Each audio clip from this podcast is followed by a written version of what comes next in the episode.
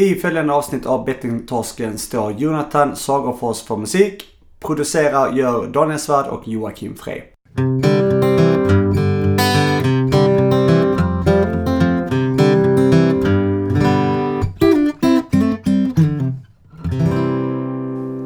Hej och välkommen till Bettingtorsken!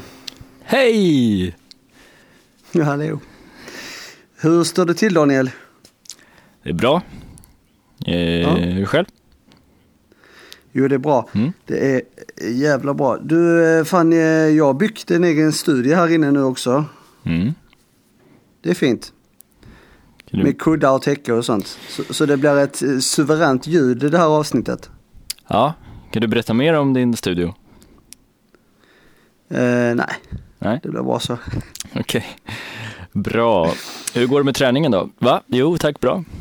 Eller? Ja, Ja. Jag är väl igång och tränar lite, jag springer och så va? mm. vet, du du Ja. har blivit beroende. Ja, precis. Bytt beroende, det är helt riktigt faktiskt. Jag går ut extremt hårt. Du gick alltså från minus noll till eh, plus 100 kan man säga. Ja, jag gick från cheeseburgarmagen eh, magen till eh, maratonredo, kan Jaha. man säga. Mm. Ja men det är bra faktiskt. Det är, det är bra. Det är tur att du har sånt, eh, vet du det, mm, löpband där hemma. Ja, igår firade jag två veckor som träningsnarkoman. Ja.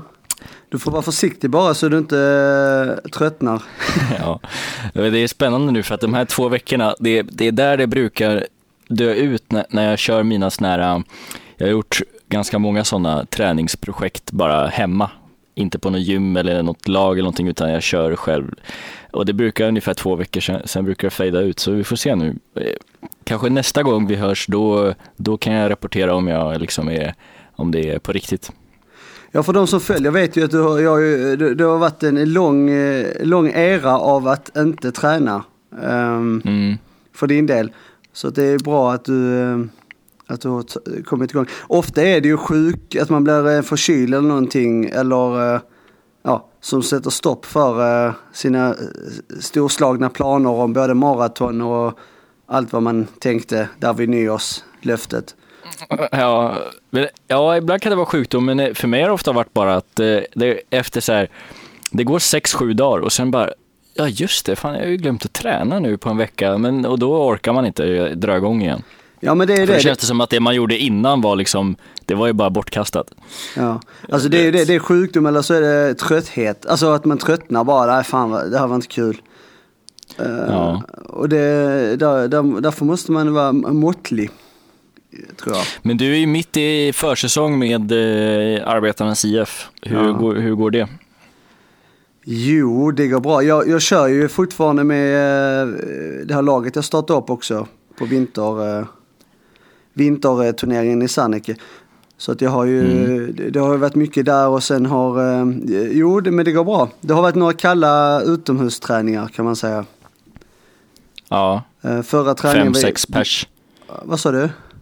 Fem, sex personer. Nej, det har pendlat. Det har varit alltifrån eh, 20, 24 och någon gång var det 10. Det, det är lite så när det är division eh, lägre. så, så, eh, Ja.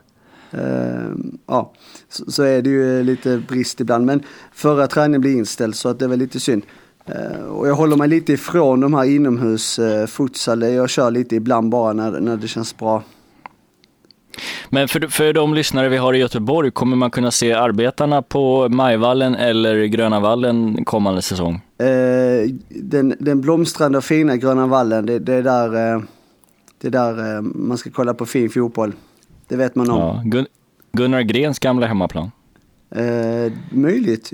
Ja, du kan historien bättre, hör jag. Ja, så är det. Men du, eh, vi har lite gäster och såna grejer nu va? Jag måste säga, där, säga detta, det här är ju ett ganska speciellt avsnitt kan man säga. Ja. Vill du minnas varför? Eller nej, Eh, inte, minns inte säkert. Det, det är historiskt avsnitt kan man nog säga faktiskt. Historiskt avsnitt. Ja, mm, ja men berätta. Ja, men kan, kan du gissa? Alltså historiskt, ja, du, du kanske tänker på eh, inspelningstekniken? Eh, Nej? fortsätt. Fel. eh, vad heter det? Ja, vad kan det vara? Det är ju någon första intervjun med någon som har valt att ta ställning på ett tydligt sätt. Uh, jag vet inte. Ja, det är väl många kanske som gjort, men okej, okay, jag, jag, ska, jag ska hjälpa dig lite. Det är ju uh, ja. en historisk uh, intervju av den anledningen att mitt i intervjun så avbryter du eh, intervjun och går. Jaha, så det, det var ja, lite det stämmer det. Spexigt och speciellt. Men, men, ja, men jag, jag, hade inte tid med er längre än så. Nej, och det var ju också faktiskt första intervjun som vi gör eh, på ett sätt att jag träffar gäst men du är med via ja, eh, telefon kan man på säga. På länk. Ja, på länk. Fast i studie. Så, ja, så det blir ju bra ljud då. Men, men eh, det var, historiskt sett så, så, är det första gången någon av oss eh, avbryter en intervju. Och det, men det gick bra ändå. Det gick väldigt bra. Det, det får ni höra snart här. Ni hade trevligt där på slutet eller? Vi hade mycket trevligt. Eh, Anders, väldigt trevlig, eh, trevlig person och också en skåning. Så att, eh, ja. Nämnde han något om att det blev lite tråkigare när jag, när jag avvek? Eh, det låter ju vara osagt faktiskt. Så att, ja. Eh, ja. Okej. Okay. Men, det blir spännande. Eh, har du något mer att säga? Innan Nej. Nej. Nej. Okej, okay, men då är det offside, eh, ena delen offside kan man säga. Det är Anders Bengtsson eh, som, eh, som vi intervjuar då. Så att, det är väl bara att rulla in han. Ska du göra det? Ja, vi gör så. Vi rullar in Anders Bengtsson i bettingtorsken. Då rullar vi med eh, bettingtorsken idag med Anders Bengtsson då. Välkommen Anders! Tack så mycket! Och eh, välkommen Jocke också. Du är ja, alltid med. Tack, tack. Välkommen Daniel. Tack så mycket, tack. Eh, vi brukar börja med Anders bara att gästen får presentera sig lite och då brukar vi bara fråga rakt av så här, vem är du? Så får du bestämma dig själv. Ja, jag är då eh, Anders Bengtsson som är chefredaktör och ansvarig utgivare på Offside. Jag är eh, från Skåne, bor då i Göteborg och har jobbat på Offside i 13 år. Varav jag varit kanske chefredaktör i 7 år. Eh, 37 år gammal. Det är väl det ungefär jag kanske behöver berätta just nu. Ja, absolut. Eh, vet jag att det är mycket fotboll med, med tidningen och, och privat och så här. Förutom fotbollen, finns det något annat som du gillar att, pyssla med? Ja, jag gillar eh, mat, matlagning. Jag gillar faktiskt trädgårdsarbete, något jag upptäckt med senare år, sen vi köpte ett hus. Eh, jag gillar att vara med mina barn på deras eh, olika aktiviteter. Fotboll och innebandy och sådär. Eh, läsa mycket. Lyssna på musik. Mm, mm. Mm. Härligt.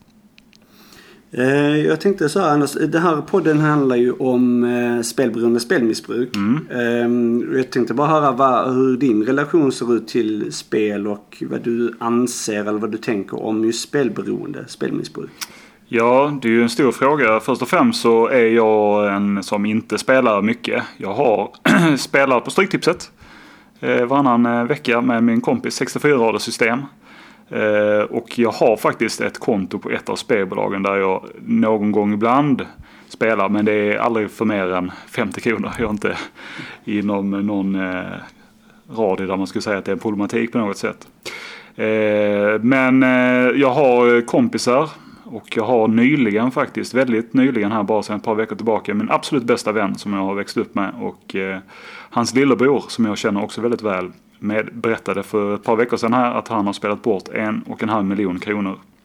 Förskingrat pengar från sitt arbete.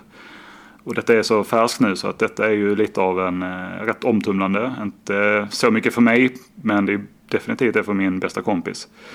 Eh, och jag har andra kompisar som har haft eh, liknande problematik. Så att eh, jag har det både nära mig och jag vet ju då utifrån eh, vårt jobb där jag är ansvarig utgivare och har i många år varit den som måste godkänna annonser. Måste tacka ja och nej när våra annonssäljare kommer med eh, till exempel, nu kommer Unibet in. De vill lägga 150 000 kronor för att vara med i tidningen i x antal nummer.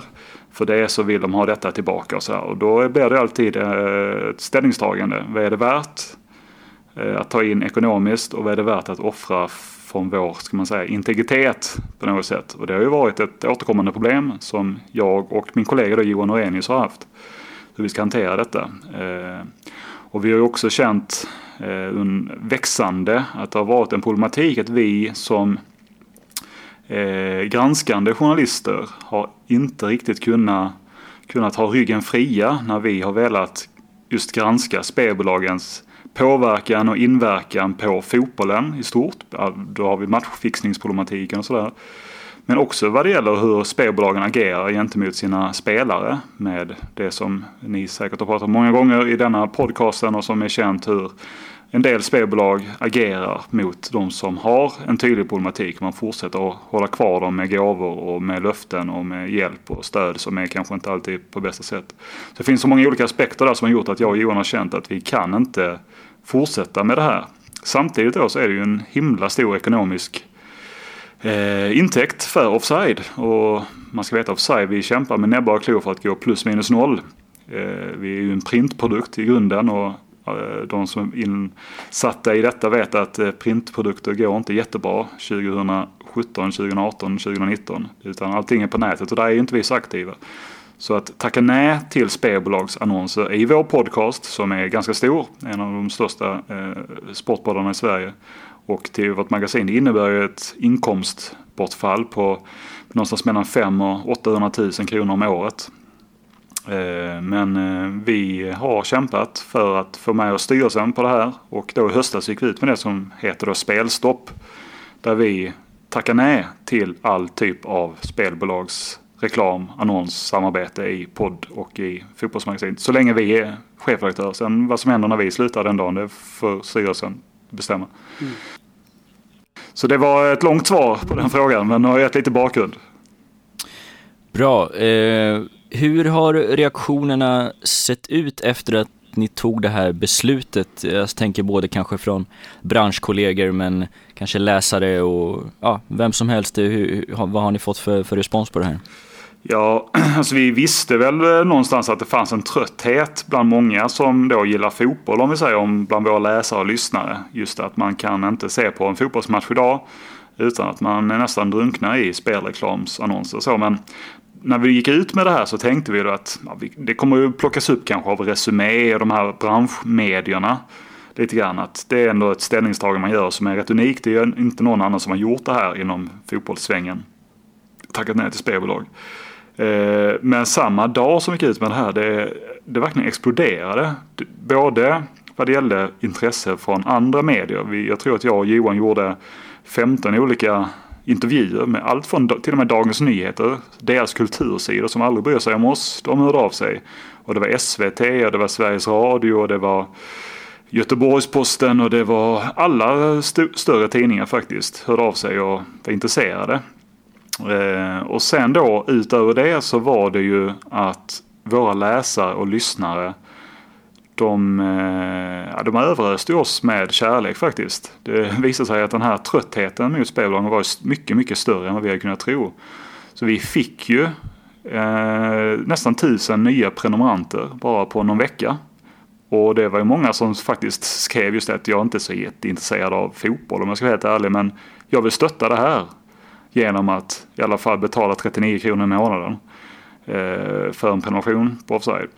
Så det var jättemånga som gjorde det faktiskt och det innebär ju på något sätt att vi kan ju nästan räkna hem om de här drygt tusen personerna förblir prenumeranter på ett år på Offside så innebär det nästan 500 000 kronor intäkter för oss. Och det innebär att vi nästan har hämtat in det inkomstbortfallet. Så på så sätt så är det en win-win situation för oss. Och sen har vi faktiskt också haft annonsörer som inte tidigare har varit intresserade av oss stora annonsörer som vi inte riktigt kan närma oss. Som har hört av sig till oss och vill annonsera i och sig nu för att vi har tagit det här beslutet att inte ha spelannonser. För att nämna ett stort så är det faktiskt Halebop, mobiloperatören. De mm. har köpt baksidan som tidigare Svenska Spel köpte som anses vara den finaste och dyraste i en tidning. Den har de köpt för hela 2019 då, så det är också nya intäkter för oss. Så det har ju varit en succé för oss givetvis på många sätt och, och så. Eh, så att eh, det hade vi aldrig kunnat drömma om faktiskt. Und- Undrar om det var många prenumeranter som lyssnade på vår podd för vi rekommenderar dem att prenumerera hos er. Ja, det, är, det är säkert det. Alltså. Det är säkert så. Men detta har också gjort då att eh, dels faktiskt ska man säga att det tog ju kanske från att vi började prata om att vi ville införa spelstopp till att det blev så nu i höstas, det var väl i oktober som vi gick ut med det här. Så var det kanske en period på nio månader där jag och Johan och styrelsen så diskuterade hur vi skulle kunna hitta nya intäkter. Vi, man läste på och sådär om vad som hur branschen skulle kanske förändras med nya licenskraven som då infördes 1 januari 2019 och sådär.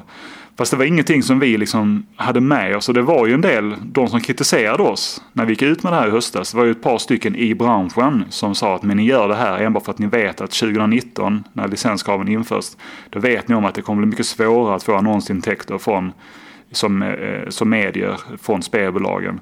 Men det trodde ju inte vi. Vi trodde ju att det skulle bli som nu, att man nästan känner att det har ökat ännu mer. Fler aktörer som ska försöka vinna nya kunder som köper rätt mycket reklam. Plus då det som vi ser nu då med Aftonbladet, Expressen, de har liksom gör ännu tätare samarbete där de i princip är delägare i spelbolag på så sätt att de startar olika affärsverksamheter tillsammans med deras jämförelsesajter som det kallas. Eh, så, men vi, vi var ju inga experter på området. Men däremot, sen vi gick ut med det här så har vi fått så oerhört mycket mail från folk som är som er, som är, har tidigare spelproblematik. Vi har fått för, eh, mail från föräldrar som har förlorat sina barn för att de har tagit livet av sig. Vi får mail från folk som jobbar i olika organisationer som hjälper spelberoende. Så att på något sätt så har man ju eh, både medvetet och omedvetet blivit lite, eller betydligt mer insatt i det här som pågår just nu. Eh, och vi tog upp detta så sent som igår i vår egen podcast, Sveriges podcast, där vi pratade om så sent som nu, alltså Svenska Spel, att de har klivit in på kasino eh, erbjuder kasinospel och så. Jag tycker att det är oerhört problematiskt att ett statligt bolag är så aggressiva i sina kampanjer för att lura in folk i en spelform som är dokumenterat ofta leder till misär. Att man inte tar det ansvaret. De har sina Jack Vegas-maskiner som står på pizzerior och på barer. Och det har ju liksom försakat betydligt fler liv än vad det har berikat liv, de där Jack Vegas-maskinerna. Och de tar inte ansvar, men de kan hela tiden gömma sig bakom att de ger tillbaka pengar till idrotten och så. Men det är ju det är ju inte så mycket värt när det förstör liv så som vi märker nu efter spelstopp efter den responsen som vi har fått. För det var det jag tänkte höra liksom vad egentligen eh, den direkta anledningen var varför ni tackade nej. Är det så här liksom, är det allt det du precis har sagt eller är det så här, nej men vi, ja, vi vill inte bara. Nej, alltså man kan säga att det var tre stycken saker. Det ena var då att eh, den journalistiska integriteten. Att vi vill ju kunna stå helt fria och granska. Man kan ta ett exempel som förra våren inför VM i Ryssland så var det ju snack om att Zlatan skulle återvända till landslaget. Och han höll på på sina egna kanaler i sin Instagram och uttalandena de få gångerna som han eh, blev intervjuad och sådär att han flörtade med landslaget länge. Eh, och det blev till och med en rätt sådär infekterad sak mellan Jan Andersson, förbundskaptenen. Eh, han fick den frågan alltid av media. Så har du kontakt med Zlatan? Sådär, och Zlatan var ju skadad vid den tidpunkten. Och sådär, så det kändes rätt omöjligt att han skulle kunna komma tillbaka och vara aktuell för VM-spel och så. Men det visade sig ju senare att han startade ju, han gick in som delägare i ett spelbolag. Och att allt detta var ju en stor, stor PR-kupp från hans sida för att dra uppmärksamhet till sitt spelbolag. Eh, och eh, vi pratade lite grann om det här i podden men samtidigt så kände vi, för då hade vi ju kvar, vi hade ju, vår podd inleddes ju med en jingel, inte från hans spelbolag men från ett annat spelbolag till exempel. Och vi hade spelbolagsannonser i tidningen.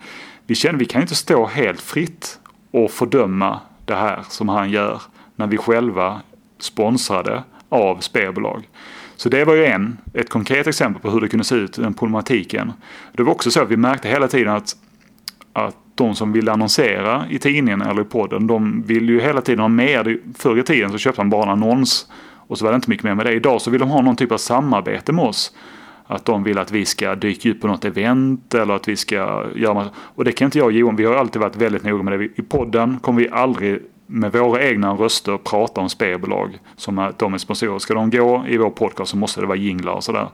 Så det var vi noga med. Men det kändes hela tiden som att de krävde mer och mer för att de skulle fortsätta betala oss. Och det kände vi, vi måste dra gränsen.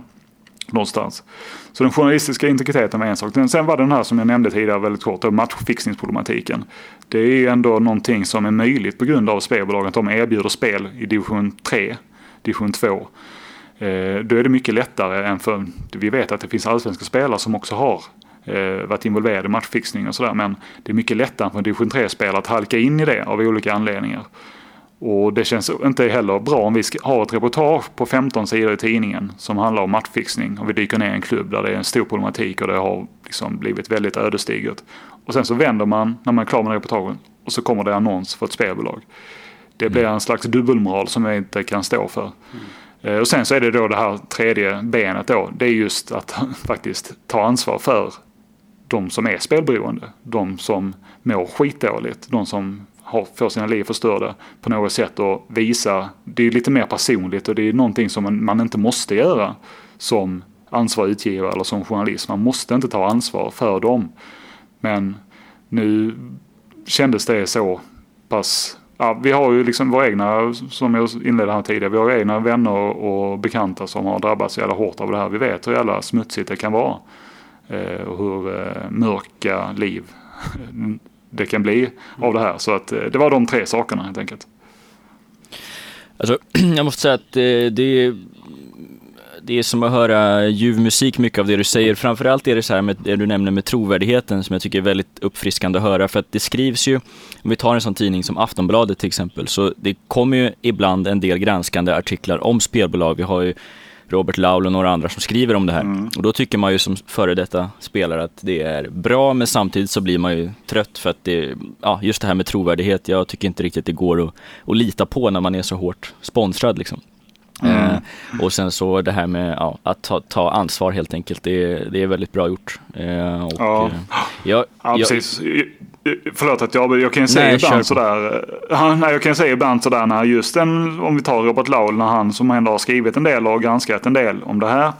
När han skriver detta och han lägger ut på sitt Instagram till exempel en liten puff för det som han har gjort så får han ju väldigt många kommentarer som är av karaktären att ja, ja, men hur känns det själv när du får din lön från alla spelbolagen och sådär. Och jag förstår ju den spontan reaktionen från de som skriver så.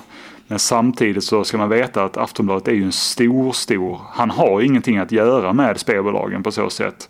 Ehm, Mm. Och man måste kunna liksom hålla två bollar i luften samtidigt när man för den argumentationen. Att man kan vara anställd på Viasat som också i princip bara har spelbolag. Och ändå kritisera spelbolag.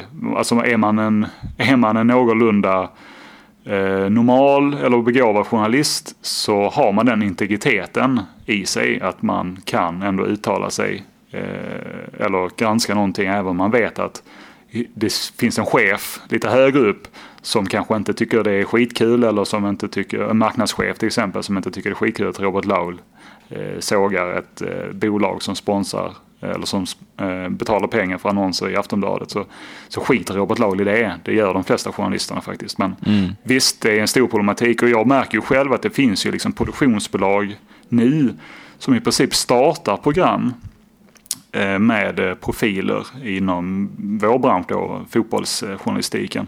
Enbart i syfte nästan för att de ska kunna sälja reklam eller, köpa, eller sälja reklam från spelbolagen. Att det är liksom reklambolags innehåll på något sätt som är själva eh, eh, kärnan av det, de programmen som startas. Och man märker det, det är allt fler liksom profiler sådär som hoppar in och så vi Henrik Lundqvist. Mm. Eh, som blir eh, ambassadör eh, för ett stort spelbolag och sådär. Eh, man undrar ju lite grann, vad är det värt egentligen för dem? Men um, det är ingen hemlighet att Henrik Lundqvist han är, har pengar så att han har pengar så att det blir över för väldigt många generationer. Men ändå så ska man hoppa in i den här svängen.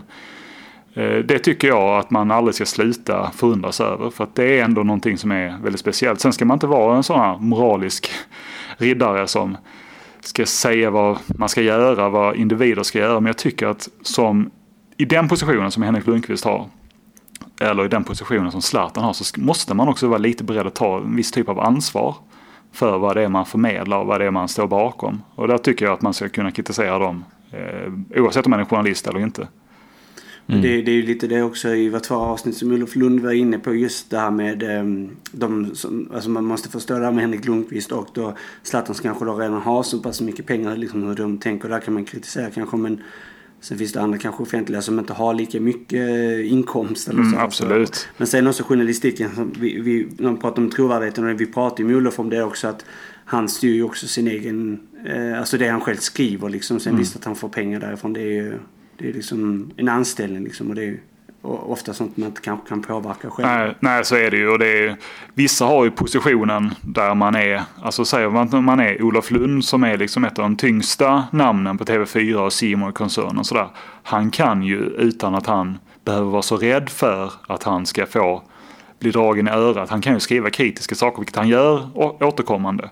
Men är man nyanställd eller om man inte har den positionen eller den profilen som Olof Lund har på TV4 så vågar man kanske inte riktigt ge sig in i de där eh, skvalpande vatten som eh, innebär med spelbolag och sådär. Och då, då blir det någon slags nedtystning som är som man inte riktigt pratar om, som kanske inte riktigt är så synlig eller tydlig. Men den finns ju där någonstans. Att man måste vara på en viss nivå för att man ska kunna våga ifrågasätta sina egna chefer eller, eller eh, riktningar som man är på väg att ta inom det företaget där man är anställd. Mm. Du, eh, Brynäs IF har gjort något liknande som, som ni håller på med, att de tackar nej till eh, inblandning i det här eh, SHL-avtalet som finns med Betsson. Mm. Så får väl se om det ens går att genomföra juridiskt, det är inte helt klart. Men jag är helt nyfiken på om ni har haft någon dialog med dem i, inför det här och eventuella strategier hur man gör för att liksom hålla sig flytande utan de här pengarna. Och har, har ni pratat någonting Nej. om det? Nej, ingenting faktiskt. Däremot så har det ju ändå fått lite ringar på vattnet som det vi har gjort. Jag vet att en eh, ska säga, motsvarighet till Offside i England som heter The Blizzard, som är också ett sånt här lite tjockare magasin med lite längre texter. De tog, eller When Saturday Comes, nu blandar jag ihop dem. When Saturday Comes, det är också ett klassiskt magasin i England. Mm.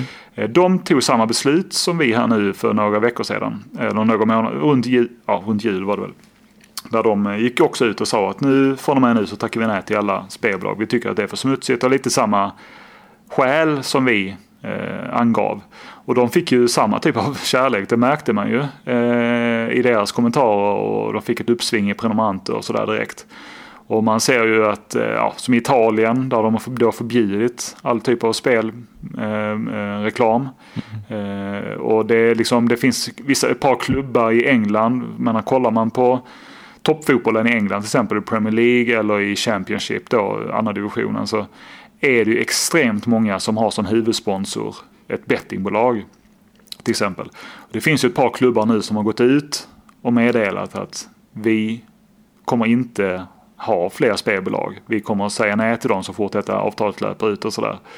Om det är för att de känner av de här vindarna att man kan vinna goodwill och man kan vinna nya typer av intäkter på det. Eller om det enbart är rent ställningstagande. Det vet jag inte. Men för oss, det, det är inte alla som tror på det. Vi säger, för oss var det inte, vi hade inte en tanke på det här liksom att goodwill, att det skulle komma in nya pengar. Så vi bara gjorde det av de anledningar som jag sa tidigare. Men det är ju givetvis jävligt glädjande att det visar sig att folk är beredda att stötta de här sakerna. Eh, att man tar ställning för en sak och, och omfamnar den och uppmärksammar problematiken kring det. Det gör nog. Det är liksom det är rätt många andra företagare sådär som har hört av sig. Eh, det finns ett par reklambyråer till exempel i Sverige som har hört av sig till oss. Som har sagt att eh, vi eh, blir så inspirerade av er så vi har också tagit ett styrelsebeslut nu. Att vi ska inte göra kampanjer för spelbolag framöver även om det innebär att vi tappar rätt mycket intäkter. Så det, det är ju någonting som pågår just nu. Eh, I Sverige och i världen, i västvärlden i alla fall, vad det gäller spelbolag. Så att det är ju hela tiden, det finns ju ett allt större motstånd till det. Och det är ju positivt i alla fall. Men, men där, just det här med goodwill, det kan man ta lite eh, koll på, eller vad man säger. Eh, att, eh, alltså jag menar, vi, vi har ju märkt det själv. Eh, vi, vi, vi driver ju en, en insamling, namninsamling för att just skicka till alla ledamöter en, en, att man kan skriva under då och och för att förbjuda då spelreklam. Men, mm. men för att vi märker ju det här också att i sociala medier, Instagram och Facebook och de här. Där är det ju flera nu större aktörer som gör sponsrade inlägg där. Så jag menar det, det har ju egentligen ökat med spelreklam. Eh, upplever också många. Mm. Eh, vilket man trodde att det skulle däremot minska efter året för att det har måttfullhet. Liksom. Mm. Men eh, snarare tvärtom. Så det, den kan man eh, faktiskt säga att det är en... Eh, den kan man ta kål på, eller ta död på den här goodwill-tanken. Absolut och jag nu på morgonen här, vi spelar in här på morgonen då så jag var någon minut sen här, du var före mig här mm. Joakim, till vårt eh, redaktion för jag var på gymmet. Och det är på gymmet som man ibland när man står där på någon maskin och trampar och svettas som eh, typ TV3 på. Det är en kanal som jag aldrig tittar på i vanliga fall. Eh, men där ser man då när det är reklampaus och där. Jag som tittar en hel del på fotboll är ju van vid vilka spelbolag det är. Man känner igen dem, man är jävligt trött. Jag har liksom en åttaårig son som går hem och nynnar på vissa av de här spelbolagens liksom jingelmusik. Vilket är otroligt provocerande. Men, mm. men när man står där på gymmet och det är andra typer av spelbolag, det märker man, då är det ju de här nätkasinon mycket mer. För att när det är fotbollsmatcher så är det rätt mycket de här klassiska, vem gör nästa mål och sådär. Så kommer det upp ett odds på det och så. Men när man står på gymmet så ser man de här andra nätkasino och det är ju otroligt många nätkasino. Det kan ju vara åtta stycken i en reklampaus mellan ett gammalt avsnitt av Lyxfällan. Och så är det tre stycken snabbkreditbolag. Och sen så är det fortsättning då på Lyxfällan. Det är ju nästan så att man känner att vad är det som pågår här alltså? Hur mycket hur mycket eh, nätkasino får lov att finnas egentligen? Var, var går gränsen? Och det, uppenbarligen så finns det ju en marknad för alla de här. Det är inte idioter som driver de här. Det finns ju pengar att tjäna. Eh, men eh, det är ju anmärkningsvärt hur många de är. Tänk på det, nämnde att eh, något, något, av dina barn nynnar på spelreklamsjinglar. Det är ja. ju det är fruktansvärt liksom. Och det är det som är ett problem att det går så långt ner i åldrarna. Alltså jag jobbar eh, på eh, en skola med, med eh, åttaåringar då, årskurs två, jag har varit inne på det förut, men alla där vet, även om de vet inte vad, hur ett spelbolag fungerar eller de har aldrig hört ordet odds, men alla vet att Zlatan är kopplad till Bethard. Det, det har de mm. stenkoll på liksom och det är ju jätte, ja. jätte, jättesorgligt liksom. Och det är därför den här reklamen ja, men... måste bort liksom. För även vi, vi har ju pratat om mycket att varken jag eller eh, Joakim är ju liksom för att förbjuda folk att spela. Men det är just den här otroliga reklamtrycket som måste bort liksom, för det är farligt på riktigt. Ja, precis, och det är ju också min inställning till det att jag inte är ute efter att förbjuda betting på något sätt. Eh, men däremot så måste, precis som du säger, det måste finnas en måttfullhet, det måste finnas restriktioner och det måste finnas eh, mycket större ansvar från, alltså jag tycker hela tiden att politiker som har yttersta ansvaret för vad som är tillåtet och inte tillåtet. De måste vara mycket mer insatta i problematiken kring det här. Man ser nu den här spelpaus.se då, som en, det är en bra grej givetvis. Och man ser att det är typ 20 000 som har registrerat sig här sedan årsskiftet. Vilket antyder att det är ett ännu större eh, behov av hjälp och eh, självhjälp än vad man kanske har trott tidigare. Men samtidigt så har jag förstått det att är man inne i skiten och man är spelberoende så finns det ju ändå, även om man skulle ha sanset att en gång trycka på den där och stänga av sig själv så finns det ju hela tiden andra möjligheter givetvis. Man är inte, alltså är man, är man beroende av någonting så hittar man ju vägar mm. till att fortsätta ge näring åt sitt beroende eller vad man ska, hur man ska uttrycka sig. Så att, och det här känns som inte som att politiker riktigt förstår. De tycker att fan detta är ju skitbra, nu kan vi luta oss tillbaka lite grann. Nu har vi infört de här spellicenslottoinspektionen, ställer vissa krav och sådär på hur man ska agera. Men det är ju liksom, det är ju bara precis en start alltså. Det känns som att eh, makthavarna måste, måste ta tag i det här. För detta är ju liksom en epidemi som är helt otrolig. Och framförallt här, de här, jag återkommer till de här jävla Jack Vegas-maskinerna. Jag har själv jobbat mycket i restaurangbranschen innan jag började plugga till journalistik och sådär. Och har sett hur det ser ut på de här. Jag har varit på barer där man kommit in och folk spelar ju bort hur mycket som helst. Det finns inte någon som kontrollerar någonting där. Nu så är det väl så att man ska trycka sådär, mm, gissar jag. Att man i alla fall har infört detta kanske tio år sedan jag hade. Men varför ska de finnas egentligen? Vad har de för ansvar? Det finns inte en, en fysisk person som tar ansvar för dem utan det är, ja, det är katastrof alltså. Ja, det är inte, och inte bara att de finns utan att de är utplacerade i ekonomiskt eh, pressade områden liksom. Mestadels. Så. Så att, eh. Det är ju inte de fina krogarna eh, som har en Jack Vegas-maskin utan det är ju ofta de lite mer kanske eh, nedgångna pubarna eh, eller pizzeriorna. Så är det ju faktiskt. Mm. Jag är lite förvånad faktiskt att, alltså att du är så insatt i just eh, problematiken kring spel. Alltså det, det, det, visste inte jag riktigt innan vi träffades mm. faktiskt. Jag visste ju ställningstagandet men jag, sen vet man inte om det är, ja men just som man pratar om det är goodwill eller hur det är liksom. Mm. Men jag visste inte att ni var så insatta just i det här eh, problematiken kring spelberoende, spelmissbruk? Nej, det ligger ju, tycker jag, på vårt ansvar framförallt. Sen vi gick ut med spelstopp eh, hade vi inte varit eh, dels insatta eller pålästa eller haft någon som helst känsla för det så hade det ju varit väldigt magstarkt att sitta och försöka prata och argumentera. Det hade bara varit tomma ord på något sätt. Men men som sagt, jag är... Det är ju...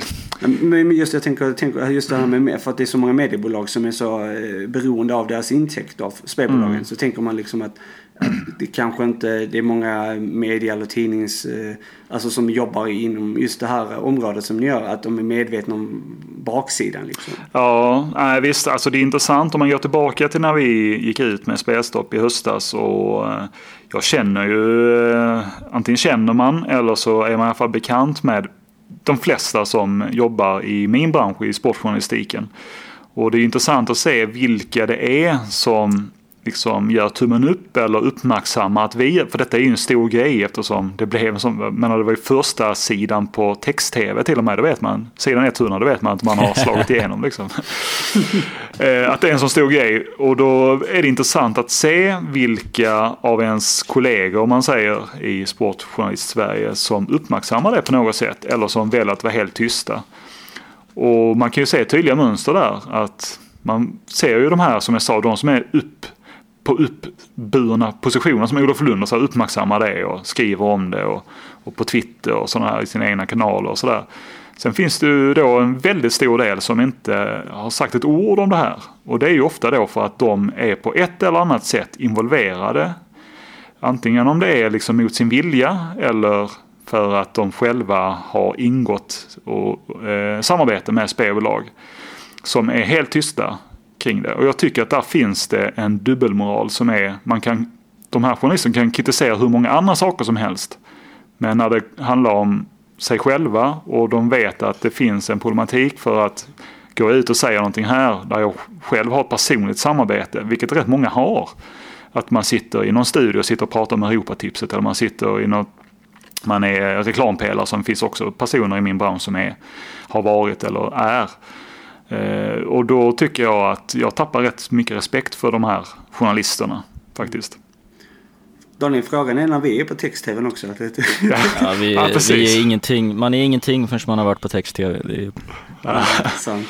Eh, vet ni vad, jag, jag måste vara så här tråkig att jag måste faktiskt pipa iväg här och, och jobba lite. Eh, mm. pengarna pengarna okay. måste in efter att, eh, ja, man har, ju, man har ju levt som man har levt så att säga. Så att jag måste sticka. Mm.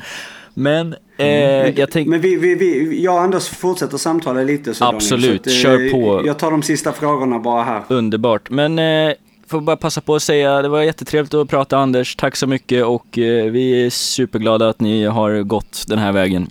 Verkligen bra gjort. Ja, tack själv. Kul att vara med. Yes, ha det så bra. Hej. Samma. Vi fortsätter här eh, du och jag Anders. Eh, en liten kort stund bara. Eh, jag tänkte bara höra, för du, du sa här tidigare att um, det här med spelbolagen, att de är um, Nej men att de ville vara med och samarbeta och vill påverka och sånt där. För jag vill gå tillbaka till den, jag tyckte det var ganska intressant. Eh, är det så här liksom, för man hör ju andra podcasts som till exempel Alex och Sigge och sånt där. De, ja, de verkar ju, ursäkta mig men kåta när de pratar om spelbolag, reklamen som de har. Eh, är det liksom på den nivån att de vill gärna att ni ska framhäva romantiken kring spel? Ja, man kan säga så att det är inte bara spelbolagen sådär. Vi har en podcast där vi i princip alltid har två stycken sponsorer i varje avsnitt. Och eh, de betalar ju, om man säger olika. Vi kan inte ta lika mycket betalt om de går som en jingel. Sen så nästa steg är att jag och Johan pratar om sponsorn. Men vi pratar ju aldrig som Alex och Sigge gör det. Vi säger ju aldrig att en produkt är den bästa som finns och den här är så härlig och så. Vi är ju väldigt kliniska. Vi säger så här, det här avsnittet sponsrat av bla bla bla. Eh, som eh, erbjuder den här tjänsten. Gå in här och läs mer om det. Det är ju den nivån, det har vi ju sagt hela tiden. Men skulle vi vilja tjäna ännu mer pengar, då hade vi varit som Alex och Sigge. Som hade hela tiden sagt att den sponsorn som sponsrar detta avsnittet är den bästa på marknaden. Som de hela tiden säger. Och jag tycker just vad det gäller Alex och Sigge som är den största podden i Sverige. Eh, att de är, det är gräsligt hur de beter sig faktiskt. Eh, med sina nätkasino-sponsorer. Eh, de uppmanar sina lyssnare att gå in. De uppmanar verkligen sina lyssnare att gå in och starta ett konto. Det går så snabbt. Det är ingen registrering som behövs och så. Och det är så jävla god stämning där. Och har man tur så kan man spela lite nätkasino med Alex eller Sigge när de är inne och så. De skojar bort någonting. Och de, det kommer uppgifter hela tiden när Alex och Sigge är med. Eh, det kommer ju ja, perioder uppgifter hur mycket de tjänar på sin podcast. Och det är otroligt. Det är flera miljoner. Det är liksom, vi snackar säkert någon miljon i, i månaden bara på podden. Så de hade kunnat göra enbart det och levt ett jävligt bra liv. Därför, lite grann som Henrik Lundqvist, sådär mycket vill ha mer. Girigheten är helt otrolig tycker jag i det här fallet. Alltså. Men man får alltid kritik när man kritiserar hur andra personer eh, lever sina liv. Så att man ska vara väldigt försiktig där. Men jag tycker att jag sparkar inte neråt på något sätt utan jag sparkar uppåt här i det här fallet. Till två väldigt, med otroligt mycket inflytande och väldigt, väldigt många unga lyssnare. De måste fan ta lite ansvar. Alltså. Han, han kanske vill, nu är det här min åsikt, men han kanske vill fin- Han snackar ju mycket om att han dricker sina whiskypinnar och sånt. Han kanske behöver finansiera det. Ja, nej, precis. Eh, Alex då. Eh, Men eh, ja, skit i han. Nej men, nej men för att återgå till din fråga om vi bortser från Alex och Sigge och sådär så. Det var ju så att det märker vi ju. Det är inte bara spelbolagen än en gång. Utan alla som annonserar i Offside de vill ju ha liksom någon slags fördjupat samarbete på något sätt. Det måste inte vara att vi ska dyka upp på något event, jag och Johan och sådär. Utan det kan vara andra saker liksom hela tiden. Att de vill liksom tänja på gränserna. De, de tiderna är förbi där man bara köpte en reklamannons och sen så var det ingenting mer med det. Utan de vill hela tiden integreras i oss och i våra nyhetsbrev och sådär. Att jag och Johan som är på, inom i vår kontext ändå är profil att vi ska liksom stå bakom eller säga någonting och sådär. Men vi säger hela tiden nej, så att det, menar, det är inte bara så att alla annonsintäkter, det är ju det som är problemet. Alltså om man ser på Sportbladet till exempel, om man går in på Sportbladets sajt. Jag tror att det är så att 85% av deras annonsintäkter kommer från spelbolag. Skulle de eh, ta samma beslut som vi tog och införa ett spelstopp, då skulle de ju vara tvungna att säga upp väldigt många personer till exempel. Och det är ju heller ingenting som man vill se. Liksom. Jag vill inte säga att folk ska vara arbetslösa på något sätt. Men man har ju satt sig i en situation där man är beroende av sp- spelbolagen. Och det är ju inte en härlig utveckling på något sätt. Eh, och, nej, så att jag vet inte hur, var detta kommer att sluta någonstans. För att, ja, Nej, men det är det vi pratade också med Olof Lund om just det här med att, eh, att de är så beroende och att det kommer att vara väldigt, väldigt, väldigt tufft för alla mediebolag om de väljer att ta bort den intäkten. mm, Eh, så. Men vi ju, tänker ju så här att man kan, eller man tänker så här, man kan ju bara, varför inte ha två sponsorer istället för en? Men det kanske inte är så lätt i, i praktiken liksom. Nej, det är ju inte, och sen så menar det finns ju viss mått av hyckleri i det här. Jag älskar ju att titta på mitt Liverpool och Premier League och sådär. Och det är ju Viasat då som har rättigheterna för det. Och jag vet ju hur jävla dyra de är, rättigheterna. Och de ska finansiera det på något sätt. Och då gör de genom spelbolagen. Blir och sen så vill man ju se. Liverpool när de spelar Champions League. Och det är ytterligare en rättighet man ska köpa som Viasat köper. Då krävs det ännu fler spelbolag. Sen så vill jag, fan jag vill se FA-cupen också. Ja, då är det, nu, i det här fallet så är det Dis- Discovery som har det. Då måste de finansiera det inköpet. Så på något sätt så vill man vara en del av det här den här fotbollssvängen, internationella fotbollsvärlden och kunna se på matcherna och sitta i sin fåtölj och, och, och så följa sitt lag. Så måste man ju också vara beredd på att mentalt därför att man betalar ett pris för det och det är ju att man på något sätt accepterar spelbolagen. Så det är ju otroligt komplext är det ju. Mm. Okej. ehm, vi har ofta två frågor här som vi brukar runda av med då. Nu har ju Daniel, nu är inte han här så han eh, missar sin fråga. Men eh, den brukar vara så här, har du, eller har några spännande eller, jag brukar säga exotiska planer eh, framöver? Exotiska planer har jag egentligen? Eh, gud vad tråkigt att inte ha någon exotisk plan. Jag har inte tänkt så. Att det kanske man borde ha. Mest exotiska planen är att jag kanske ska till fjällen. Åka skidor. Minst exotiskt men, Ja. eh, men det är trevligt. Ja, nej men eh, när jag ändå är med här i podden så ni som lyssnar och som, eh, menar det är ju någonting som jag och Johan, vi har ju precis kommit ut med ett nytt nummer. Där vi har ett långt reportage om en eh, före detta allsvensk spelare som är 32 år idag så att det är ingen ålder alls på något sätt. Men en lovande spelare som berättar väldigt ingående om sitt eh, helvete som han har gått igenom som slutade med att han försökte ta livet av sig i somras. Eh, lyckligtvis så, så gick det inte. Och nu så är han då på bettingsvägen. Men han spelade bort 4,5 miljoner kronor. Och spelar i Allsvenskan också. Spelade i Allsvenskan. Precis. Och eh, vid sidan av så jobbade han då som ekonomiansvarig på ett företag här i Göteborg. Och förskingrade en massa pengar därifrån. Så att, eh, det är ju otroligt stark läsning så det kan man faktiskt läsa på vår sajt. Det är inte så att jag vill att göra reklam för det. Men Jo, det det, får är nog många som eh, skulle kunna i alla fall både känna igen sig och kanske också få en del insikt i eh, ja, hur, hur det faktiskt kan gå. För jag får ju rätt ofta också jag fick det i helgen till exempel, just när jag skrev på, på Twitter om, eh, om det här med Svenska Spel och nätkasino och hur jävligt jag tyckte att det var. Då var det ett par stycken som hörde av sig till mig och en som hörde av sig som skickade skärmdumpar på hans kontoutdrag där han skrev att intressant att skriva det här just nu för jag har precis spelat bort 60 000 kronor.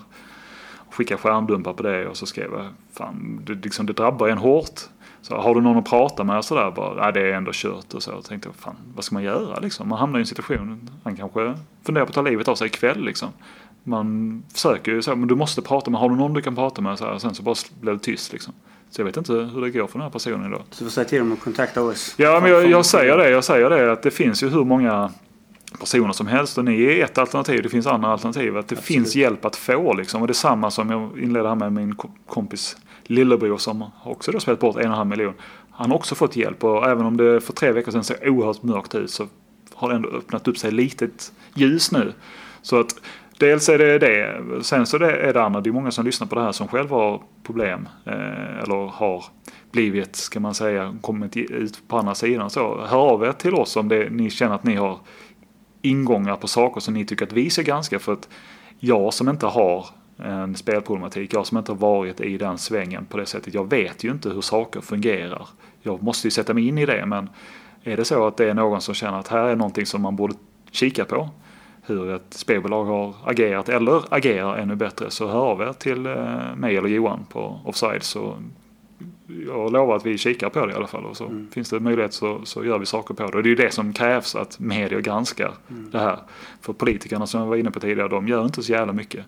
Utan det, det krävs ju att det är en del journalister som verkligen eh, dyker ner i detta. Eh, vad tänkte jag säga? Jo, det var... Um, vi, vi har nämnt mycket summor här så här i, i podden och normalt så är det så här, alltså, det, det får man ju såklart göra men det är så här att man behöver inte spela bort en och en halv miljon för att vara spelberoende. Nej, liksom. det fattar Utan jag det som är verkligen. mycket för någon kan vara lite för någon annan och så vice versa liksom. Gud, det så att, eh, har du spelat bort för mer än vad du har och, och så, här, så ska du självklart söka hjälp på, på ditt sätt. Och så reklam får du självklart göra. så gå in, eh, vi, vi är ju inte, vi är ideell så vi, Mm. vi själva jobbar ju inte med reklam och så här, men, men våra gäster får gärna göra reklam för, för sina saker. Mm. Så, så har ni inte läst Offsides senaste nummer så gör det pronto. Mm. Eh, Nej, det är jag väldigt eh, medveten om att eh, 15 000 kronor kan räcka för att Mm. man faller in i skiten. Liksom. Att man en månad inte kan betala sina hyror så bör man ta lånen och sen så bör man, jag ska bara spela en sista gång och vinna tillbaka. Och sen så är man fast i det. Så att det behöver inte vara alls de här mm, exakt. summorna och det fattar jag också. Eh, en sista fråga bara. Eh, vad har du att rekommendera oss eh, i livet? Det behöver inte handla om varken fotboll, spel eller spelberoende någonting utan bara en ren rekommendation. Ja, var snälla. Det var, det var bra faktiskt. Det, det är nog ingen som har haft av alla våra gäster. Uh, nej, jag tycker att det är en egenskap som man glömmer bort ibland. Ibland så pratar man sådär liksom. eh, försöker maximera livet och leva varje dag. De här liksom som man kan sätta på sitt, eh, sin vägg ovanför, sov, eh, ovanför sängen om man vill. Carpe diem och sådär. Det finns ju någonting i dem även om de är klyschiga. Men jag tycker att man glömmer bort det att eh, fan är man snäll så har det som omtanke och liksom solidarisk och tänker på andra mer än sig själv så, så brukar det, man tror jag att man ofta blir lite gladare. Jättebra rekommendation. Var snälla nu allihopa. Och eh, det var snällt av dig att vara med i vår podcast. Så att jag tackar så mycket för det. Ehm, Så att, ja, tack. Ja, tack själv.